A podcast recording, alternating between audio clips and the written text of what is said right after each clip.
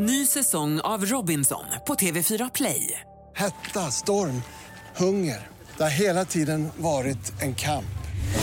Nu är det blod och tårar. Fan händer just nu. Det. är Detta är inte okej. Robinson 2024, nu fucking kör vi! Streama söndag på TV4 Play.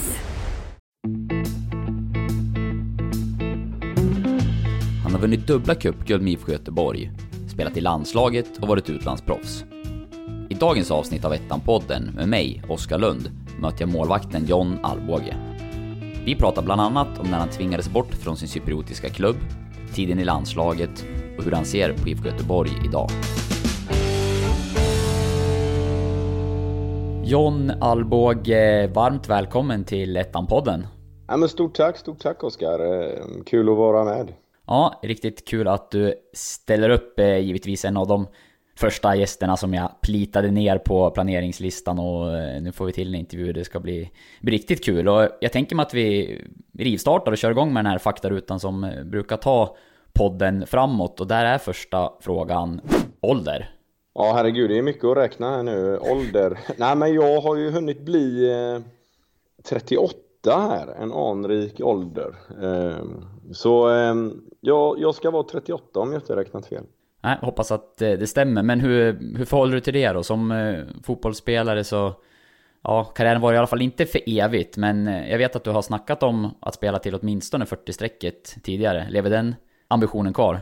Ja, men det gör det ju absolut. Sen är det ju verkligen så, ju äldre man blir, ju mer uppskattar man och försöker ta tillvara på varje match och varje träning så väl man kan. En inställning som jag ändå på sätt och vis önskar att jag hade mer utav eh, i mina unga år också, även om jag hade ett bra driv och eh, eh fick en bra karriär så sett, eh, så eh, är det ändå något jag kan rekommendera till eh, alla fotbollsspelare och vad man än håller på med, om det man nu är i näringslivet eller även håller på med andra idrotter. Så ta tillvara på de tillfällena man har, eh, matcher och träningar och gör det bästa varje gång. Det är så jag försöker göra det nu i alla fall. Och, eh, ja, nej, men så är det.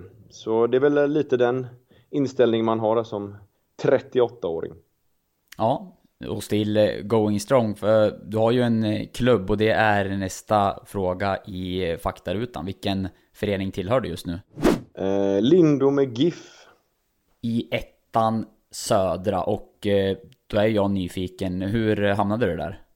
Eh, ja, för att göra en lång historia kort så eh, har jag ju de senaste åren här, i alla fall sedan 2016, varit lite på villovägar i fotbollslivet. Alltifrån USA till Cypern till Norge till Uppsala och Sirius och så vidare. Och eh, i och med att jag är familjefar och göteborgare så sett så var det framförallt eh, förra året där i Sirius så kände jag att eh, nej nu vore det kul att hitta någon klubb eh, i Göteborgstrakten. Jag vill gärna hem till familjen igen. Ehm, och då eh, blev det så att Lindom hörde av sig och efter lite snack där så lockade det faktiskt att få bli en del av den föreningen och laget i och med att de presenterade en väldigt, ett väldigt spännande upplägg med en, vad ska man säga, fotboll som eh, intresserade mig. Eh, en klar och tydlig filosofi genomgående hela, i hela föreningen som jag tyckte var väldigt spännande att få lära mig och få bli en del av eh, i och med att nu om jag har gått ner från allsvensk nivå till ettan så blir det kanske en övergångsperiod på x antal år innan man eh, hittar på något annat i livet kanske. Och då kände jag att då blir det en väldigt bra skola att få eh, ta del av den här filosofin och eh, lära känna ledarstaben och, och så vidare. Men givetvis, givetvis hela eh,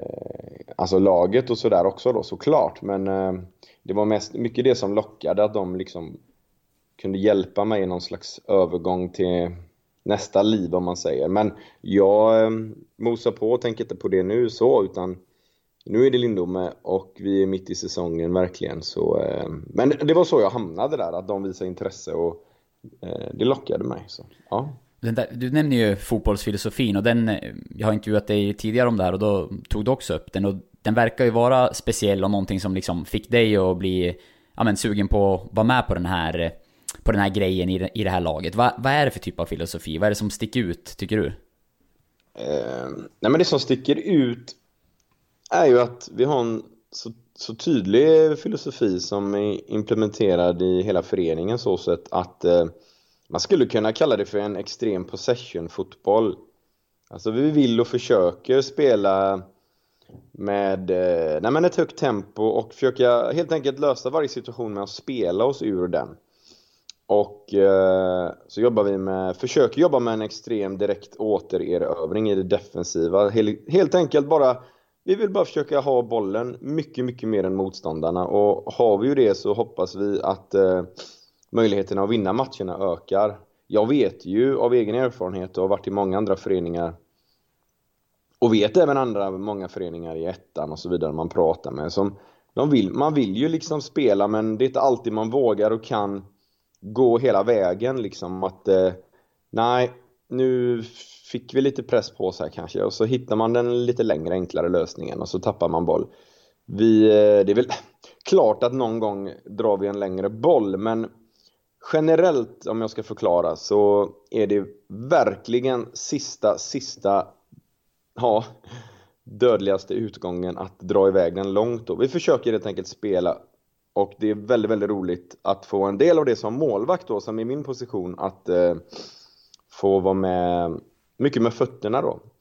Vi försöker även om motståndarna kommer högt att spela oss ur det och så vidare. Eh, och så vidare. Så nej, men det är jättekul. Eh, det är både roligt och eh, vägvinnande, eh, tycker jag. Så ja. Har du varit med om något eh, som liksom liknar det här då tidigare i karriären? Är det någon av klubbarna du har representerat där du tycker att där var vi och nosa på det här, eller är det någonting unikt? Unikt är det ju inte så, men eh, att vi gör det så eh, med en sån, eh, vad ska man säga, kontinuitet och tro och inkörd filosofi. Varje träning, varje egentligen löpning och pass jobbar vi med detta sättet. Och eh, det skiljer ju sig. Nej, jag har inte varit i någon klubb, spelat i någon egen klubb som eh, har varit så pass trygga med bollen så sett i eget, eget spel, egen possession-spel. Det har jag inte varit. Sen är det klart att eh, nivåerna på de andra föreningarna kanske, eller det är klart att det har varit högre nivå så på allsvenska och vissa utländska klubbar sådär. Det är inte så att jag sitter där och säger att eh, Lindome skulle vinna allsvenskan eller bli... Alltså du förstår vad jag menar. Absolut. Så man får ju skilja på eh, lite nivåer där, men om man ändå jämför allting, alla nivåer, alla klubbar, så är det inget lag i alla fall jag varit i som har en sån tydlig egen filosofi och så vidare. Ehm, det var väl närmast när jag var i Örebro SK, när jag hade en tränare som hette Sixten Boström som spelade ett 4-3-3-spel. Då hade vi inget sådär extremt possession, men han var ändå en tränare som no matter what, vilket lag vi än mötte, så körde vi på vårt spel. Så det är väl kanske det närmaste, men fotbollsmässigt, eller spelmässigt var det kanske inte så likt, utan det var mer eh, att eh, vi körde på en egen filosofi. Och det gillar jag när man har tränare som liksom vågar köra sitt race, oavsett om man möter det eller det laget borta eller på det och det, den och den arenan eller vad det nu kan vara som man annars gör att man ändrar lite. Utan vi kör, vi fokuserar mest på vårt. Ja men så är det väl. Ja, ja intressant. Väl... Intressant ja, att höra. Vi får uppmana lyssnarna att eh, kika på era matcher under resten av den här säsongen i, i ettan.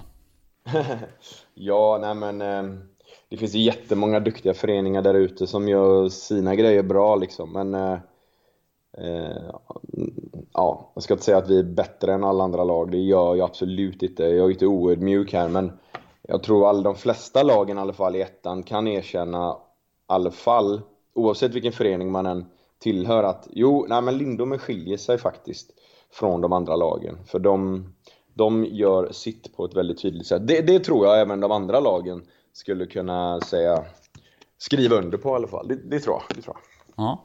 ja, spännande som sagt. Vi hoppar vidare i faktarutan och eh, alla har ju koll på att du är och eh, under lång tid har varit fotbollsmålvakt. Men eh, jag vet också att du pysslar med lite annat. Så frågan lyder sysselsättning. Oj, ja sysselsättning nummer ett är ju eh, familjen då, tre barn och lite djur eh, får man väl säga. Eh, hundar, kaniner, katter och så vidare. Men annars så är det ju att jag har eh, tre olika bolag jag har startat med eh, härliga drivna människor som är i, lite i startfaserna kan man väl säga som tar väldigt, väldigt mycket tid och det är väl där jag lägger min eh, tid i princip. Eh, dels ett klädmärke som vi startade 2017 som är extremt spännande och har en väldigt stor potential tycker vi. Men vi har blivit hårt drabbade i år med Corona då alla events och eh, några butiker vi pratar med blev lite eh, rädda då och har ställt in lite. Men vi hoppas att vårt 2020 blir istället 2021 då.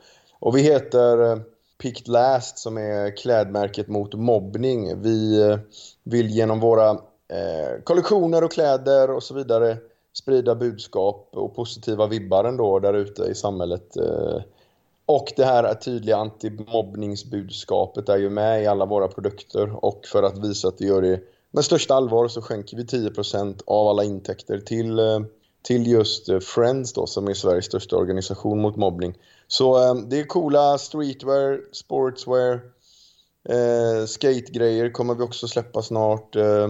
Så det är sköna, goa så här hoodies och kepsar och t-shirts och så vidare. Så picklast.se kan man spana in oss. Så där lägger jag mycket tid. Jag, ja, men det är jättekul att ha kommit in i den branschen och så vidare. Um... Och sen vet jag att eh, du pysslar med en del andra grejer också. Bland annat så har du nyligen lanserat en app.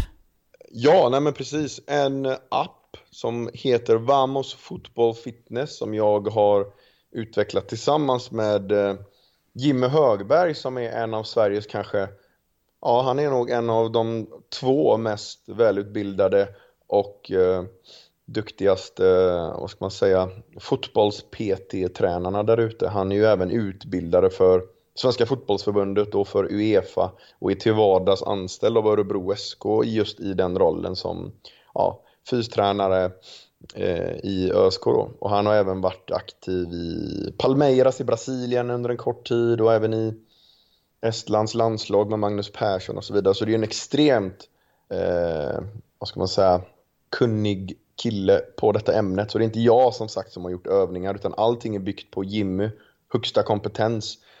Så det blir ju helt enkelt med den här appen så kan man ju då eh, ladda ner den. Eh, den är gratis i några första versioner.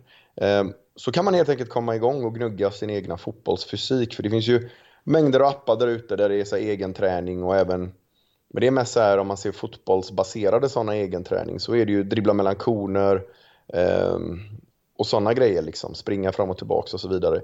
Vi fokuserar helt enkelt på fysiken, vi har ingen boll och så med i appen utan det är alla övningar är framtagna för att gynna dig som fotbollsspelare och jag har ju sett genom åren att behovet finns i och med att många killar och tjejer kommer in efter träningen och ah, jag vill köra lite extra idag. Sätter sig och kanske kör lite bänkpress eller någonting. Eller tar fram telefon och börjar någon annan sån här app, träningsapp, vad det nu kan vara. Eh, för att få sixpack eller för att, vad vet jag, bara eh, nöta lite fysik. Och, och det är ju bra att man gör någonting men den här appen är ju varenda övning framtagen för att gynna dig i ditt fotbollsspel. Hör du, vi ska gå vidare och Eh, titta på din fotbollskarriär. Du ska få minnas eh, tillbaka lite, även om den eh, definitivt inte är över än, så frågar jag dig nu om ditt bästa fotbollsminne så långt. Ja, nej men Ja, det är alltid en svår fråga det där. Eh, jag brukar alltid säga att jag hoppas att det ligger framför mig sådär. Eh, vad vet jag, att gå upp till Superettan med Lindom eller något hade ju varit stort. Men Eh, man får dela upp det lite. Fortfarande så är väl nästan det bästa och roligaste minnet det är ju från ungdomsåren. Vi vann eh, typ Lions Cup 1992 när vi var 10 år med Torslanda IK. Det är ju sånt där glädjeminne man har eh, kvar som man minns liksom. Det... Svårslaget? Eh, ja, alltså laget hemma vid där, Torslanda IK, min moderklubb liksom. Det det är ju fortfarande kanske det roligaste minnet, den åldern man var, första turneringen man vinner och så vidare. Så det är ett bevis på vad de ungdomsåren egentligen är viktiga. Sådär. Sen, sen är det klart att jag har varit med om enstaka matcher på seniornivå och vunnit några titlar, om än lite för få kanske. Men varje gång man har vunnit något har det varit extremt roligt. Alltså två Svenska cupen-titlar som har givit Visst, den gav väl en själv mycket glädje, men när man ser folk runt omkring glada och firar, det, då blir det ju roliga minnen. Liksom. Man gläds åt andra faktiskt mycket. Men eh, eh, sen är man med vinnarskalle sådär. Det är ju tyvärr man har lagt lite fokus på kar i karriären på eh, de negativa, tunga förlusterna kanske lite väl mycket. Man får bli bättre på att njuta av framgångarna egentligen. Och, eh, ja, annars menar jag att eh, man, man, man har lagt lite mer energi kanske på de här tunga förlusterna genom åren. Men så behöver det inte vara. Man ska lägga och njuta av, som jag sa, njuta av varje seger man får. Um, så um, ja, så det var ett långt svar igen. Ja, men, men de, äh, ett par turneringssegrar, även om de var, en av dem var i väldigt tidigt stadie av eh, karriären då. Sen blev det väl dubbla cupguld, eller hur? Eh, som senior. Ja, exakt, exakt. Mm. Ja, vi hoppar vidare då, så får du fundera kring bästa spelaren som du mött. Um, ja, spontant så... Jag var ju med i VM-truppen 2006 och då var ju ändå Zlatan med... Det var ju under hans Juve-tid tror jag sådär. Um, så han mötte jag och tränade med i ungefär en månads tid sådär. Så det är väl klart att han spontant är den bästa spelaren liksom. Men annars, annars har jag alltid älskat eh, Kim Källström otroligt mycket. Just för att vi är årsbarn med varandra, födda 82 båda två. Och vi har följt våra karriärer från unga, unga år, från vi var 6-7 år upp till Ja, det är klart att han sprang iväg sen internationellt och blev stor stjärna i landslaget och spelade på en högre nivå än mig där. Men fram till han drog iväg där i senioråldern så följdes vi åt allt ifrån distriktslag till fotbollsgymnasie och till att spela i Allsvenskan tidigt och så vidare. Så han har jag både spelat med och mot. Så han får jag ju säga är kanske den bästa sådär råtalangen med som också lyckas hela vägen. Eh, enorm, enorm talang som också blev otroligt duktig. Eh, hade det inte varit för Zlatan så hade väl Kim också haft någon guldboll säkerligen. Men eh, sen internationellt när man har varit med så U21 och även A-landslag och så, så är det väl säkerligen några grymma killar man har mött där. Eh, Alltifrån, vad kan det vara, Jermaine Defoe till Quaresma till, eh, jag vet inte. Men en, en personlig favorit är jag gjorde en landskamp mot Finland en gång, A-landskamp. Då stod Jussi Jääskeläinen i andra målet. Det är ju okay. en, person, det är en personlig favorit. En fantastisk målvakt som spelar i Premier League och i Bolton i många år. Så jag får väl nämna Jussi Jääskeläinen just för att det är en personlig favorit. Då. Ny säsong av Robinson på TV4 Play. Hetta, storm, hunger. Det har hela tiden varit en kamp. Nu är det blod och tårar. Vad fan händer just nu? Det. detta är inte okej. Okay. Robinson 2024, nu fucking kör vi! Streama, söndag, på TV4 Play.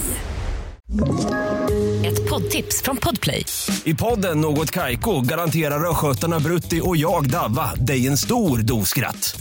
Där följer jag pladask för köttätandet igen. Man är lite som en jävla vampyr. Man har fått lite blodsmak och då måste man ha mer. Udda spaningar, fängslande anekdoter och en och annan arg rant. Jag måste ha mitt kaffe på morgonen för annars är jag ingen trevlig människa. Då är du ingen trevlig människa, punkt. Något kajko, hör du på podplay. Därför är gardinerna. Bästa spelaren du spelat med och då, då nämnde du några namn där. Eh, vill du stå fast vid dem eller finns det någon annan som bör kastas in i den där leken? Ja, men alltså herregud, man hade kunnat nämna så många i varje lag man har varit i så så är det ju liksom duktiga spelare. Sen är det lite så här guldkorn som, som dyker upp som ingen tänker på. Liksom jag spelar med en kille i MLS, Ibson, Brasse. Stor hjälte liksom i Brasilien. Han kan ju knappt gå på gatorna i Brasilien för han är så stor. Om han hade sin karriär i Corinthians eller vad det var innan han ganska unga ålder stack till Europa och eh, slog igenom i Porto Eh, och gjorde flera bra säsonger i FC Porto innan han gick till Ryssland och håvade in pengar i, om det var i Spartak Moskva eller någonting. Och så, sen stack han över till USA då och fick sin karriär i MLS. Och så spelade vi ett halvår ihop i Minnesota United. Liksom, det är en sån här kille man... Man tänker inte på det, alltså vem är Ibson egentligen? Men skulle man varit brasse hade man ju verkligen bara åh, du spelat med Ibson, han är ju liksom gud. Och man fattar väl det och framförallt när man spelar med honom var ju bara, alltså vad är det för känsla den här killen har i, på, i fötterna liksom.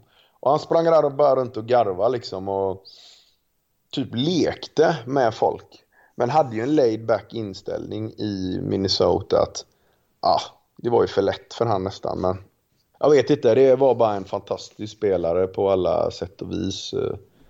Sen i Cypern spelade jag med Maduro som också har spelat i Valencia och varit lagkapten för holländska u landslaget och spelat i holländska A-landslaget. Och, um, han var ju med i stora klubbar, eh, men framförallt i Valencia var han väl som...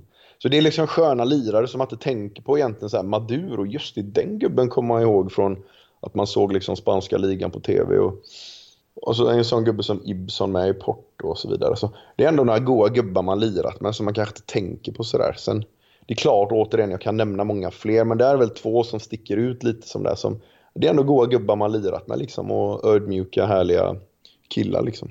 Ja, kul med lite oväntade namn också, även om de som du säger har haft eh, riktigt eh, fina karriärer. Och i landslaget förstår jag att det, det är många spelare och det, det nämnde du ju också. Så hur, hur ser du själv tillbaka på din landslagskarriär? Alltså A-landslaget från ungefär 2004 fram till 2009 så var jag med väldigt mycket faktiskt i A-landslaget. Uh, under den tiden var jag både i Danmark och i Örebro och så vidare. Och, alltså jag har säkert gjort, jag vet inte, 20, 25, 30 landskamper på bänken kanske, men bara spelat fyra då om man säger, fått speltid i fyra. Och det är ju inte bara om man jämför med många andra såklart kanske, men, men när man är väl inne i det livet så tänker man ju bara att eh, det är liksom normalt eh, sådär. Man åker på landskamper och spelar och var till och med i VM och EM i Portugal 24 var det väl, så var jag med.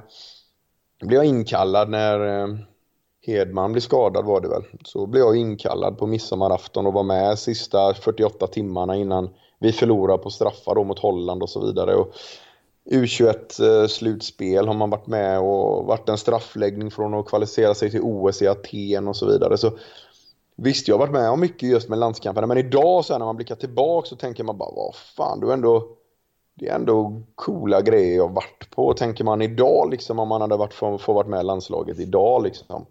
Eller vad det innebär när man ser gubbarna och jag känner ju flera av killarna som är med där idag, så tänker man ändå att det är ändå bra gubbar liksom och det är bra nivå. Men där har jag ju varit och spelat och tränat och presterat och ändå gjort skillnad tyckte jag ju själv på de träningarna och matcherna jag spelade. Jag tyckte jag ändå kunde bidra och höll den klassen liksom.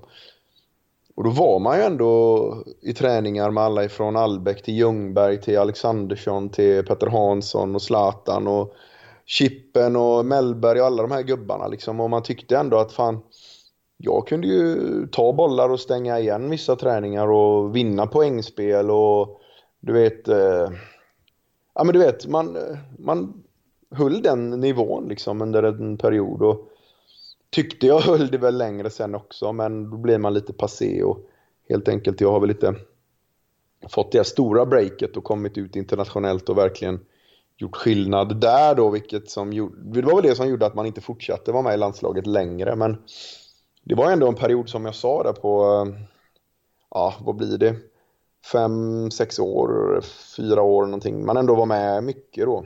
Ja, det, det är ju lång tid, men om man stannar där vid när det blir blixtinkallad till ett mästerskap på midsommarafton, det blir man ju spontant ganska nyfiken på. Kom, kan du ta oss med till, eh, ta oss tillbaka till, eh, ja men det ögonblicket, hur, hur gick det till när du blev inringd? Ja men EM 2004, jag var väl 22 bast och eh, jag vet det väl för att det var midsommarafton och eh, jag och min tjej då, eller det är ju hon jag har som fru idag. Vi åkte ju och skulle köpa jordgubbar och så vidare. Man skulle ju på någon sån här midsommarfirande. Um, och då var det lite sådär, ja man får ju ta med sig lite sådär plock, man, man tar med sig det man skulle ha till festen liksom. Och så vi skulle man ju ha jordgubbar såklart. Och mitt i det här jordgubbshandlandet så får jag ett samtal från Lagerbäck då Eh, som bara med sin lugna ton och dialekt mer Ja John, eh, nu, jag kan inte härma Lagerbäck Ja men gör ett försök ändå det. nu, nu, nu ska du till, eh, nu ska du till Portugal här, nu får du, nu får du packa väskan här va. så, så då var det ju bara, vad skämtar du? Vad är det som händer liksom sådär? Så bara, fasen. Så det var ju mer bara, fick säga till. Så de sa att det går ett plan nu typ om några timmar. Hinner du med det liksom? Vi, tar du en taxi nu så ta, ta kvittot liksom så um, pröjsar vi ju det såklart. Så jag mer eller mindre på um, ruggigt snabbt eh, nästan lämnade tjejen där bara Du, ha en trevlig midsommar, ta ett jordgubbar, jag drar till Portugal här. Och hon fattar ingenting, bara vad fan är det som händer? Så eh, jag hoppade in i en taxi och fick en nota på typ 3000 eller något och eh, gav det kvittot glädjelig, glädjeligen till förbundet sen och eh, fick en midsommar och några dagar i, om det var i Faro i Portugal, hur som helst. Men eh, ja, det var skoj ändå. Men, Ja. eh, Snabba ja, ryck. Hur, hur är det att ansluta till en trupp i ett sånt läge då liksom? Det är ju... Ja, speciellt tänker jag med att eh, dyka upp där då. Det, det var inte så många timmar heller som du sa. Det var de sista dygnen som du var på plats. Exakt, nej men jag hann vara med någon träning där och man kommer in i middagen och bara hallå gubbar, tjena och så hälsar man och så inget mer med det och så klart det var lite nervöst sådär men um, det var ju kul men samtidigt hade vi slått ut Holland som alla minns kanske var väldigt nära. Det var ju någon straffmiss från Mellberg där och i matchen hade väl om det var Ljungberg som hade något galet läge i förlängningen och så vidare så så istället för 48 timmar så hade det istället blivit en vecka tror jag som jag hade fått vara med. Så eh, nu blev det bara 48 timmar tyvärr då eftersom Holland gick vidare. Men hade vi slagit dem så hade vi haft tror jag 4-5 dagar till nästa match. Och det vill säga då hade det ju blivit att man fått vara med en hel vecka där då. Men ja, nej, jag fick vara med sen två år senare i VM 2006 i Tyskland då. Så då var det ju nästan en månad vi var samlade. Så ja, så det är ändå två trevliga minnen så sett. Ja, det förstår jag. Finns det någonting från eh, VM-turneringen som sticker ut? Eller vad dyker upp när du tänker tillbaka på den? Nej, men det var ju det där att jag var ju nära ändå att få spela i och med att Isaksson fick hjärnskakning och jag hade ju Alltså jag, utan att vara oödmjuk eller någonting, men gjort, jag tyckte jag gjorde fantastiska träningar under hela tiden just under det VM-lägret då. Men de valde ju Rami Shaban eftersom att, ja han hade ju haft lite mer internationell eh, erfarenhet på allra högsta nivå just när han hade varit i Arsenal och stått någon match i Champions League och så vidare. Så de, de safeade väl lite där förbundskaptenen att de tog Rami Shaban och han gjorde det också väldigt bra. Men eh, sett till träningarna och så vidare så kan jag nästan med gott samvete och utan låta allt för oödmjuk gjorde det ju mycket bättre liksom än vad han gjorde. Nu lät jag oödmjuk i alla fall, det var inte meningen men eh, jag eh, kände som att fan jag gick på mål de där eh, träningarna liksom.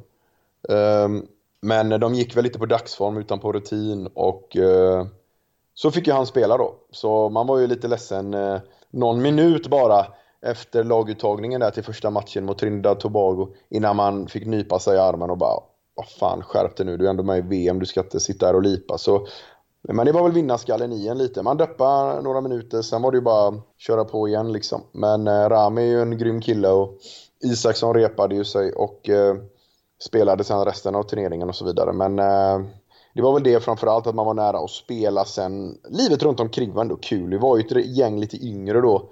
Med Elmander, Kalle Svensson, Fredrik Stenman och även Zlatan till viss del. Och, eh, ja, men vi var ju ett gött gäng liksom som satt och lirade tv-spel emellan och eh, hängde. Och, eh, så nej, men det var kul eh, på alla sätt och vis. Lägret på Gotland innan med allt vad vi gjorde där var kul. Och, Ehm, ah, vad ska man säga? Det var, det var sköj och sen även de här allra största stjärnorna man kan väl säga var ju man imponerades av hur trevliga och ödmjuka de var. Inga divafasoner överhuvudtaget. Som Fredrik Ljungberg var ju en, och är så sett, en eh, grym kille liksom. Jag, nej, det var, nej, det var en riktigt härlig kille och riktigt ödmjuk. Jag menar, han var ju, pika ju liksom då i Arsenal och var ju super-megastjärna. Men han kunde ju bara någon träning, efter någon träning i bussen från träningsplan minns jag kom Ljungberg och typ satte sig jämte en och bara började köta och bara Ja, jag såg att du hade lite goda ringsignaler på din telefon. Det var innan man hade iPhones och grejer och hade så här typ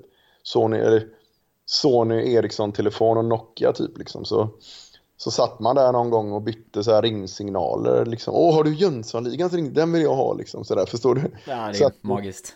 satt man där med Ljungberg och bytte, skickade över ringsignaler så här. eh, Om det ens fanns bluetooth då kommer jag inte ens ihåg. Men det var ju så här T28 och 3210 och sådana. Så satt ju man där med... Ja men han var som vilken gubbe som helst liksom. Som man gjorde med polarna. Så satt han där och bara... Eh, ja. Ja, har du...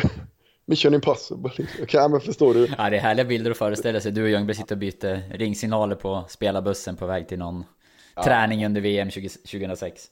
lite anekdoter sådär. Ja, verkligen. Men du, det är ju det är svårt att undvika också eh, spelare som eh, ständigt är i ropet såklart. En av de största eh, vi har haft, kanske den största då till och med, eh, Zlatan, som du var med under. Och det är ju hans liksom tidiga eh, del i landslaget, de tidiga åren. Hur, eh, hur var han där och då som en del av eh, det svenska landslaget? Uh, nej men alltså grym, han var väl inte riktigt den... Uh, eller jo, han var ju... Han var ju redan megastjärna då, men lite fortfarande så var väl kanske Ljungberg och även Henke Larsson var ju med. Uh, kanske de lite större stjärnorna sådär på sätt och vis. men sen bara strax efter det så kom ju liksom Eh, ja, övergångar till Barca och han bara flög iväg Zlatan liksom. Men just då var väl kanske fortfarande Ljungberg lite större. Och Zlatan var väl bara 23-24 någonting. Så, så eh, men det var ju ett monster på plan liksom. Han var ju, man över, eller man förvånades över hur stor han var fysiskt. Eh, alltså han är, ibland är det så att vissa man ser liksom, ah, ja, men han trodde man var större, men när man träffar på verkligheten så var han lite mindre än vad man såg. Och Zlatan var ju tvärtom, man, bara, man visste han var stor men när man träffade honom så bara jävla monster liksom. Och så sen eh, just tekniken och allting, men styrkraften i princip. Alltså när han sköt. Jag vet ju att ta Kim Källström som är nog kanske den som man visste fram till det som man sköt hårdast. Han hade ett galet tillslag. Men Zlatan toppade ju det på något sätt. Det var ju liksom... Eh, det går inte riktigt förklara liksom hur jäkla vilken styrka och massiv koloss det är liksom. Så det, det förvånades man över. Sen, sen var han som vem som helst. Jag menar vi spelar ju så här rundpingis eh, och så vidare och han var ju med där och körde liksom och var ju som vilken gubbe som helst. Jag vet på Gotland där innan så hade vi ju någon eh, liksom så här femkamp teambildning och då var jag i samma lag som han och, och några andra killar, Petter Hansson och vem det nu var mer. Och jag vet vi vann hela den femkampen då. Ehm, men eh, där var jag ju liksom så liksom street smart och intelligent han var också. Du vet när vi gjorde så här mm, femkampen var ju mycket så här lite som ledare brukar gilla att lägga in så här lite eh, järngympa liksom. Eh, bygg en eh, så hög pyramid av de här grejerna på två minuter liksom och så vidare så skulle man tänka och, och han var ju liksom grym på de här grejerna och bara ah, men så här gör vi liksom och Um, ja, det är verkligen ingen dum kille det där va. Han har alla hästar hemma liksom. Um, ruggigt intelligent så sett på, på sådana bitar. Tyck, så det, det förvånades lite. Manöver kanske. Um, nej men så, eh, ja, nej, det var ja, en, en imponerande människa är det ju. Det var ju alltid så. Han, han var ju också på något sätt en aura omkring sig med liksom. När han kom in i rummet så liksom, det märktes lite sådär. Så Nej, en imponerande människa är det ju. Absolut, absolut.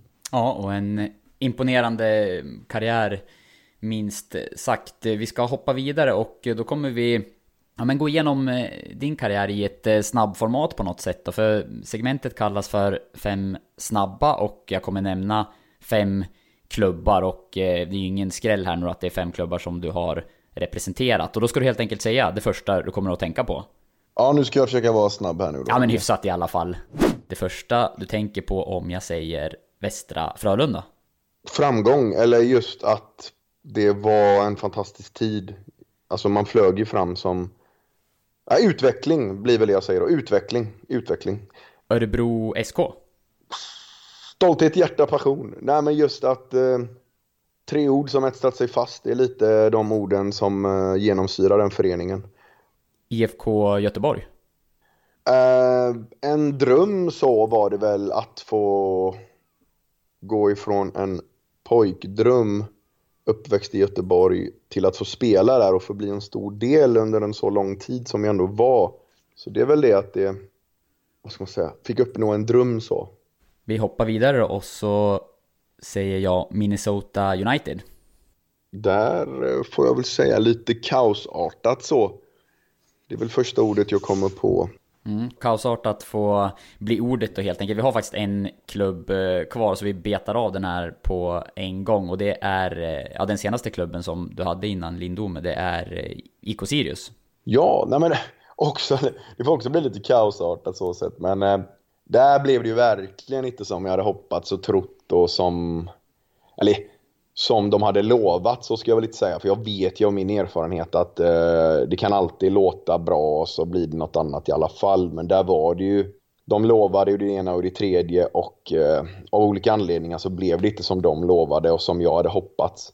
Ja, en, eh, en klubb då som kanske inte har fått ut eh, alla procent eh, den senaste tiden, det är ju din tidigare förening IFK Göteborg och där har det hänt, hänt grejer. Man har bytt tränare eller åtminstone eh, Ja, det såg jag förresten att du var ute och twittrade lite om. Entledigat va? Eh, sin eh, tränare Poya Ashbagi. Va, vad säger du om det som hände i IFK Göteborg just nu? Du som har koll på klubben och, och varit där. Uh, jag har koll på klubben nu. Um, ja, men jag var ju under en väldigt lång tid en stor del av den föreningen känner jag just. Alltså när man kommer ifrån det då har man alltid ett öra ändå mot föreningen och hänger med i allt vad som händer. Så det är som du säger, visst jag vet ju vad som händer och lite, lite, lite kontakt har man väl med några människor sådär också, både runt och i föreningen. Men eh, vad ska man säga, sen, det är ju inte sen jag lämnade, det är inte det jag menar, men sen då, eh, sen då jag lämnade så det har hänt mycket och då så menar jag inte att det är på grund av att jag lämnar men det var en enorm kvalitet, vilket lag vi hade där. Och då kommer många säga, ja men det var ju då det började gå dåligt för att det kostade så mycket och alla storstjärnor vi hade och så vidare. Jaha, okej, okay, ja visst men det var ju ändå sen eh, den processen när Gren kom in och det skulle satsas hit och dit också. Det, det var ju liksom ingen billig tid liksom. Så det var inte, man kan inte bara skylla på tiden då vi hade Håkan Mild och när jag var där och så vidare. Vi var ju ändå, när jag kom hade vi alltid varit, eller de hade ju haft problem att alltid hamna sjua. Första året jag kom, visst vi hamnade sjua då, men sen efter det, vi var ju topplag, vi blev återigen ett etablerat topplag Blåvitt då. Eh, och eh, var nära att vinna guld. Vi fick brons, brons, silver, vann kuppen två gånger. Så eh, sen efter det så var det ju ett ännu längre hopp ner. Så det, alltså då var de inte ens sjua nästan ett tag. Jag vet inte var de hamnade förra året men hur som helst så menar jag att eh, det är en lång process det där liksom. Och Blåvitt är en stor klubb med mycket folk runt omkring som har mycket åsikter och Eh, idag även ser man i ledningen, det är återigen ingen kritik, det är mer bara fakta sådär. Det är ju faktiskt ganska unga orutinerade människor i fotbollsbranschen som sitter och bestämmer lite sådär. Jag menar Poyas Bagi, superduktig tränare med ingen erfarenhet från hög nivå. Um, klubbledningen med, det är ju superduktiga förenings och företagsmänniskor men har ingen lång erfarenhet av eh, fotbollsbranschen på hög nivå. Så det är ju ingen skräll att det blir lite som det blir. Eh, tycker jag då. Jämför man då med typ Djurgården eller något med Bosse Andersson som Alltså det är ju, det är ju klasskillnader så sett och det, det märks ju också då i hur föreningar så, så jag menar, det, fotbollsbranschen är speciell och att ha erfarenhet ifrån den eh, det är ju liksom bra att ha liksom. Eh, finns, menar, finns det några speciella sådär beslut eller vägval eller ja, någonting åt det hållet som du känner att eh, där har IFK Göteborg gjort fel? Nej, alltså det är väl sitta och peka i efterhand sådär. Det, är ju, det kan ju vem som helst göra. Det är ju superlätt. Nej, det är ju viktigt vad man gör nu och blicka framåt. Och eh, jag menar, nej, jag vet inte. Det, ska jag ta upp sådana grejer med så det finns ju massa saker. Men så är det ju i livet. Det är klart man gör fel, men det viktiga är vad man gör framåt liksom. Och det är väl där klubben står nu så det, jag vill och behöver liksom inte ta upp eh, saker som har blivit fel och peka sådär, vad gjorde de där och så vidare. Utan det, det är mer bara nu då, vad, vad, vad händer, vad gör ni och vilket vägskäl vill ni gå? Och det enda jag kan känna på de här få åren egentligen sen jag lämnat, jag har blivit någon slags lite läskig om man ser till eh, läskig acceptans att inte vinna om man säger så som är väldigt olikt IFK Göteborg där DNA i föreningen är att vinna, slåss om titlar. Jag menar, när vi kom sjua något år och vi kom även sista året 2016 när vi kom fyra och var poäng ifrån att bara komma trea igen och var liksom bara något poäng från att komma in i gruppspelet i Europa League. Då, alltså det var kaos. Fick ju för fan, eh, man blev ju så extremt hatad och eh, kraven var ju så extremt höga och Alltså det går inte att beskriva vilken jävla storm det var över att vi kom fyra. Nu känns det lite som att ja, så de Kommer de sjua är det väl bra, kommer de, alltså förstår du det ena? Mm. Det känner jag mer lite så här, hallå, vad är det som är detta Blåvitt liksom? Det, det känner jag lite är lite sådär läskigt kanske att, eh, och olikt att det börjar bli någon slags eh, kulturell eller typ DNA-strängsändring i föreningen, att det är liksom lite okej okay att inte vinna längre. Det känner jag är den stora skillnaden från förr. Men jag tror ju alla som är i föreningen, spelare och alla, klart att alla vill vinna och så vidare. Det är mer känslan runt omkring att ah, men det är okej okay nu att ha några år och harva lite för att vi ska vinna om fem år typ. Liksom. Det gick ju inte att sälja in alls på den tiden man själv var där utan det var ju vinn för fan eller dra liksom. Det var det ju lite då. Eh, och det är ju plus och minus med det också. Höga krav och, eh, och så vidare och så vidare. Men eh, det är ju samtidigt också lite hör ju, hör ju till med att vara i en sån anrik förening att det, det är något speciellt liksom. Ja, det blir spännande att följa fortsättningen och när du och jag spelar in det här så är det inte helt klart heller hur det kommer bli på tränarsidan där eh, framöver. För egen del då, eh, man ser liksom längre än, än eh, fotbollskarriären, skulle du kunna se dig själv att vara aktiv i IFK Göteborg på något sätt i någon roll i, i framtiden efter att du har slutat spela?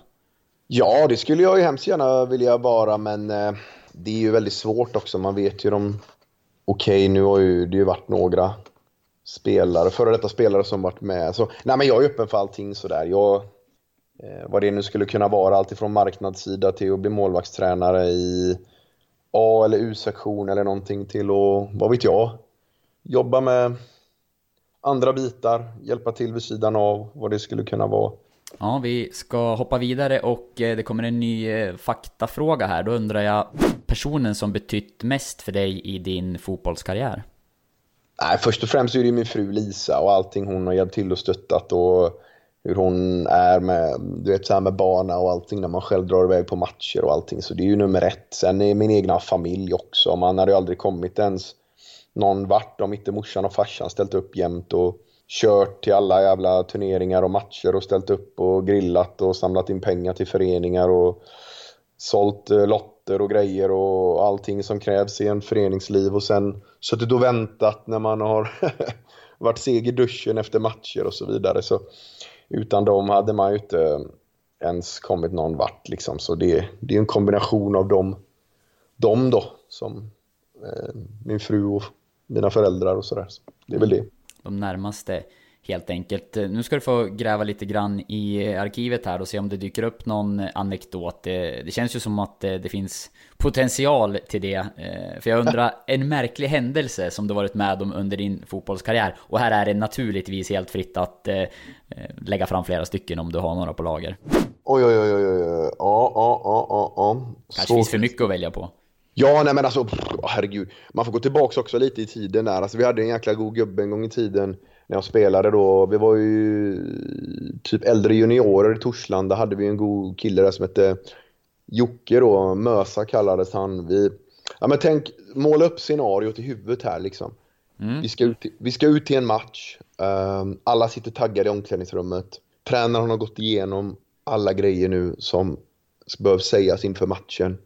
Uh, det är lite så här Eye of the Tigers-känsla. Man liksom blundar, tittar ner i marken och liksom Kom igen nu gubbar! Du vet så här, det är bara Uff, nu ska vi ut och köra. Och så säger ju tränaren alltid liksom, alltid så här liksom Och gubbar, är det något mer nu innan vi går ut? Då brukar det vara liksom bara, nej alltså nu kör vi. Alltså förstår ni? Absolut. Tränaren brukar alltid säga, är det något mer nu innan vi går ut här?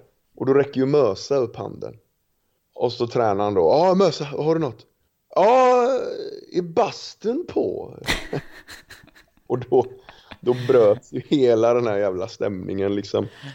Han hade ju fokus på att komma in efter träningen och mysa och sätta sig i bastun liksom. Och det var det han tänkte på liksom och alla andra. Så den här Eye of the Tiger-känslan brast ju och allt det tränaren hade liksom målat upp här mentalt och all laddning liksom bara förvandlades till asgarv hos alla istället. Så. Hur, hur gick det då? Jag för mig ändå, vi gick ut och vann säkert sådär. Men det var en sån här grej som man minns hundra år efter liksom. Var, varje gång man träffar han med sig liksom bara. fan kommer du ihåg liksom, så garvar man. Men det liknande finns ju liksom i alla möjliga, alla möjliga lag liksom sådär. Det, det finns många sjuka, roliga grejer man varit med om. Som, menar, som i Cypern, det är också så här, eh, jag var ju ändå där och den tiden, det, det är så långt ifrån svensk, eh, eh, du vet sådär safety, man har, man får sin lön, man har liksom en fackförening som ställer upp om det är någonting och man går till träningen och det är, du vet, där nere det är annan bransch alltså, runt Medelhavet där, liksom Cypern, Grekland och så. Det är liksom kaos, det äter ju de till frukost där om man säger. Liksom, det var ju ett tag, jag, jag skadade ju mig där också såklart. Hoppade in i stolpen och bröt axeln liksom. Bara det var ju sjukt. Uh, men jag minns det så väl, för varje transferfönster är ju revolution i de här klubbarna, mestadels i de flesta klubbar, att det byts ut uh, halva, minst halva truppen och det händer mycket på ledarstaben och allting. Men så, så när jag skulle komma tillbaka där i Cypern efter min skada och liksom, eh, ja, vi skulle börja träningen dagen efter så där, så får jag ett mail från den nya sportchefen jag aldrig ens träffat liksom bara You don't have to come to training, eh, goodbye, good luck in the future, we don't want you anymore, typ bara va? Jag har ju kontrakt ett år till liksom och det kommer från ingenstans då? Det är liksom nej, ingen dialog, från... inget möte eller någonting, utan ett mail? Nej, nej, Jag fick bara ett mail sådär, att jag ens kollar mailkorgen. Liksom. Jag brukar aldrig kolla just den mailen, ofta de skickar till sådär. Så det var bara en slump liksom. Så. Och det var typ kvällen innan träning. Jag skulle packa väskan och dra dagen efter liksom. Så bara, eh, don't come to training liksom. Eh, good luck, eh, sådär. Jag bara, vad fan händer? Jag fattar ingenting. Så jag ringde upp den här tjommen.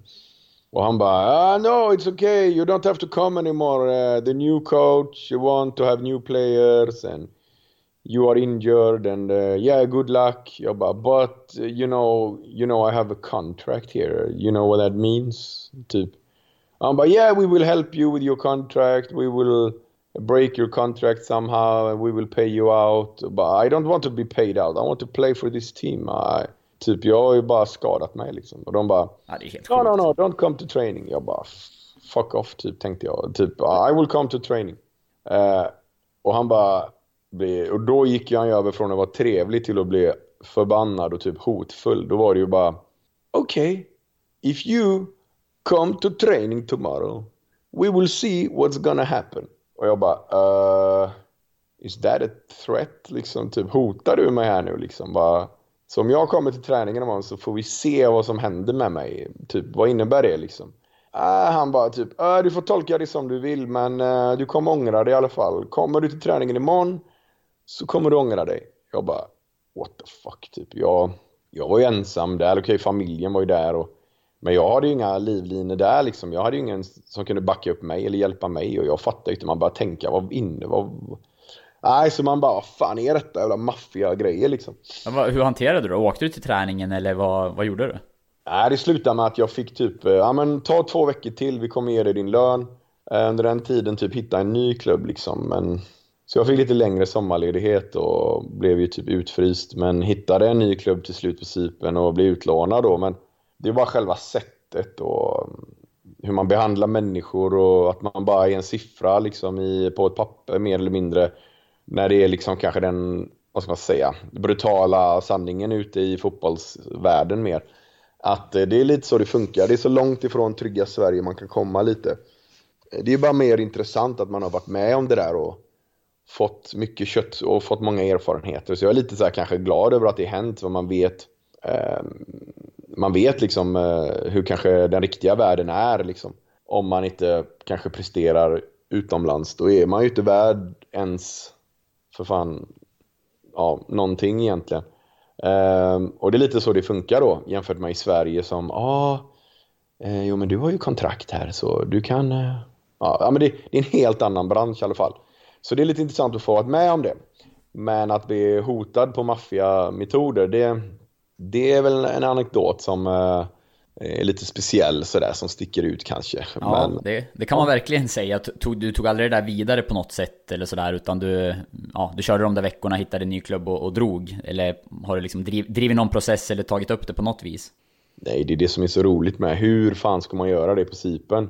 Ja, det finns ju inte ens en spelarförening där som ens funkar och det som jag sa, det här är ju liksom, det är ju vardagsmat där. Det är ju så de bygger sina föreningar liksom att, eh, alltså förstår du? Alltså de, de bygger ju liksom klubbar på typ hot och osäkerhet nästan sådär. Folk flyger ju fram och tillbaks liksom. Du får inte din lön på fyra månader och liksom, nej men liksom, alltså det är bara en helt annan bransch. Så att som det jag menar där är att eh, hur ska du, vem ska du vända dig till? Vänder jag mig till någon i klubben eller sådär, kan ni hjälpa mig? De garvar ju bara typ. Typ, uh, I can't help you, good luck. Typ, alltså det, det är bara, mm, du är en lone wolf där liksom. Det är bara survivor. Har du det svart på vitt, det är klart att du till slut kan driva det till Uefa eller någonting.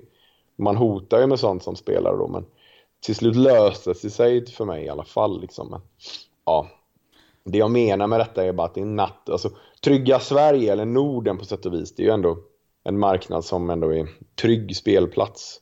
Kommer man iväg sådär, då får man bredd på det ena och det tredje. Och det är ju inte för inte när man läser sådär många gånger någon som drar till Grekland eller sticker någon annanstans att det händer grejer liksom helt plötsligt. Eller Turkiet och sånt också. Liksom att eh, efter typ sju månader lämnar han eller Eh, den, ja, efter bara nio månader så är han tillbaks i Sverige igen eller något i stå. Alltså det, det spelar lite ofta så roll, liksom, har du kontrakt, det, det är bättre att dra liksom, i sådana fall. Ja, nej, det är lite erfarenheter. Ja, vi får vara glada att det löste sig eh, hyfsat bra för dig då där eh, till slut. Och vi ska prata om någonting positivt nu, för jag undrar när du mådde som bäst. Och eh, då får du ju ja, välja vilken episod som helst i livet. Ja, inte bara fotboll sådär kanske. Tänk fritt. Nej, men alltså spontant det som kommer fram på näthinnan, det är ju Alltså bara att få ha varit med om så här barnafödslar liksom och sådär, det är ju, det är ju fantastiskt liksom. Eh, eh, då blir man både rörd och glad liksom och stolt liksom. Vad är detta? Är det mitt kött och blod där som har gett liv på något sätt sådär? Alltså man, det, det är ju några tillfällen man liksom blir glad sådär. Sen, sen är det så här små vardagsgrejer ibland som man bara njuter av och blir, man tänker man är lycklig. Och det är ju allting som har runt kring barnen, om de är glada, vad vet jag. Det är, vi sätter oss i biosalen och har varsin popcorn och tittar på varandra och bara gött nu sitter vi här och myser liksom och kollar på bio eller något, alla är glada liksom. Eller man ser, eh, man high-fivar grabben efter han har spelat någon match eller något och han är nöjd och det är ju vid sådana tillfällen man liksom bara, fan vad kul liksom. Det är ju det här livet går ut på nu och sådär. Så det, det är ju sådana bitar liksom. Um, det är klart man kan leta ännu mer men, eh, nej men det, det, det är väl sånt man bara, men då är man lycklig liksom. Riktigt, eh, över 10 plus svar eh, på den. Det känns ju faktiskt helt eh, rimligt och eh, rätt. Om du måste tänka på något lite tråkigare då och eh, svara på frågan när du mådde som sämst. Vart landar vi då någonstans? Ja du, det... Nej men alltså, eh, nu ska jag inte ha någon gråt, äh, gråta ut sådär, men det, det är väl... Ja men ta förra året när jag fick den här skadan i Sirius liksom. Att det var, jag hade ju haft så mycket skit där under några år. Skadade mig i, skadade mig i eh, USA. Den drömmen sprack. Jag hoppades jag skulle stanna där i flera år. Eh, kom sen till Cypern. Tänkte att här vill jag nu vara några år och njuta.